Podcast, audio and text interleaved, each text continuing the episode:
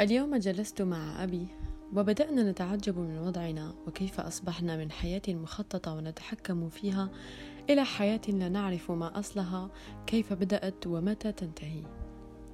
فقلت لأبي هل تعلم لو سبق وأخبرونا أنه سيتم عزلنا في بيوتنا وبعيدا عن أحبائنا وسنتوقف عن العمل لن نصدق ذلك ولا أحد كان سيقبل بوضع كذلك. فأجابني أبي رأيت يا بنيتي كيف سبحانه يضع لنا دروسا لنتعلمها حتى دون سابق إنذار وكيف أعلمنا بأن هذه الحياة بقدر ما يخطط لها الإنسان ويحاول التحكم فيها إلا أنها تبقى دائما بيد الله سبحانه.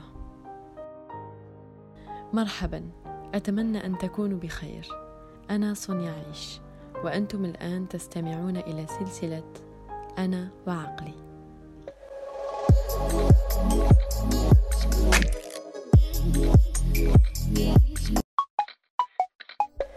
بدأت جائحة فيروس كورونا. وقضت على الكثير من الأشخاص للأسف. لا نستطيع إنكار هذه المعلومة. دخل علينا وقلب حياتنا رأسا على عقب. شخصيا لقد أثر علي. لأن عملي توقف وكل مخططاتي التي كنت متشوقة لتحقيقها وحتى زفافي الذي كنت سأسعد به. وبسببه خطيبي عالق في بلاد بعيدة ولا يستطيع الدخول يعني تماما سرق حياتي هذا الفيروس. من شدة غضبي كنت أكرر عبارة كرهت حياتي ما هذا الحظ؟ وخاصة عندما أرى جهل بعض الناس الذي يؤدي لزيادة عدد الإصابات يوميا يوما بعد يوم أزداد غضبا وكرها. لكن بعدها مع مرور شهرين تقريبا من هذه الجائحة بدأت تظهر بعض النقاط في العالم القليل من لاحظها وهي فعلا إيجابية. لدرجة أن تجعل الإنسان يقف وينظر للسماء ويقول ويا حكمتك يا الله. الطبيعة أو البيئة بدأت تتعالج بعد أن انعزل عنها الإنسان وللأسف.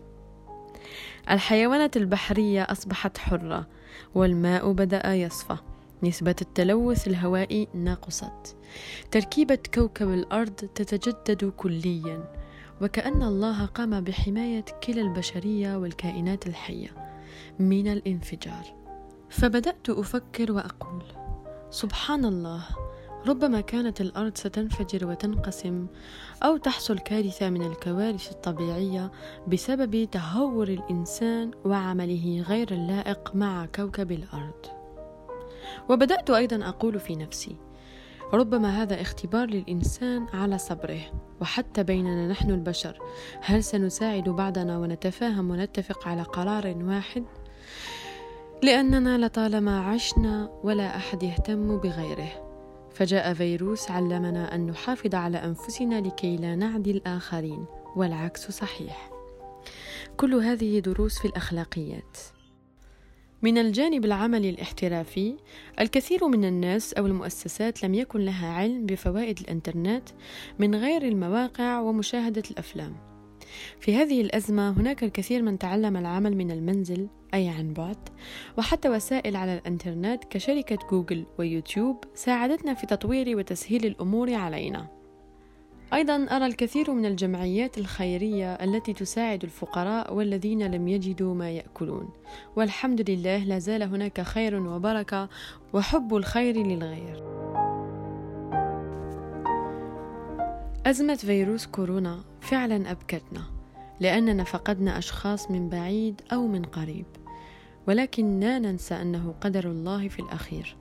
فمن قدر له الله سبحانه الموت فستكون بالفيروس أو بغيره كما يقال وتتعدد الأسباب والموت واحدة. لهذا يجب علينا الإيمان بقدر الله خيره وشره. ولكن فعلا هذه الأزمة أنقذت كوكبنا وأعطت الفرصة للجمعيات التي طيلة العام وهي تقوم بحملات توعوية لنظافة البيئة ولكن لم تحظى بالاهتمام إلا في هذه الفترة. والحملات أيضا لفعل الخير وأن يتعلم الإنسان أن يحب الخير لغيره ولا يكون أناني.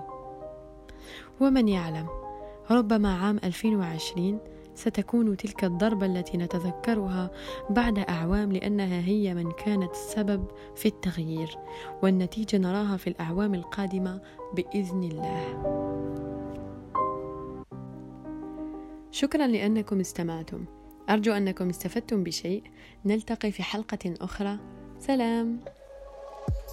آه قبل أن أنسى إذا كنتم الآن تستمعون إلي على IGTV انستغرام يرجى منكم أن تلقوا نظرة على highlight story podcast لكي تحصل على روابط تطبيقات أو روابط حساباتي على تطبيقات ساوند كلاود وسبوتيفاي وجوجل بودكاست وشكرا أيضا لأنكم تستمعون إلي في كل مرة. أحبكم.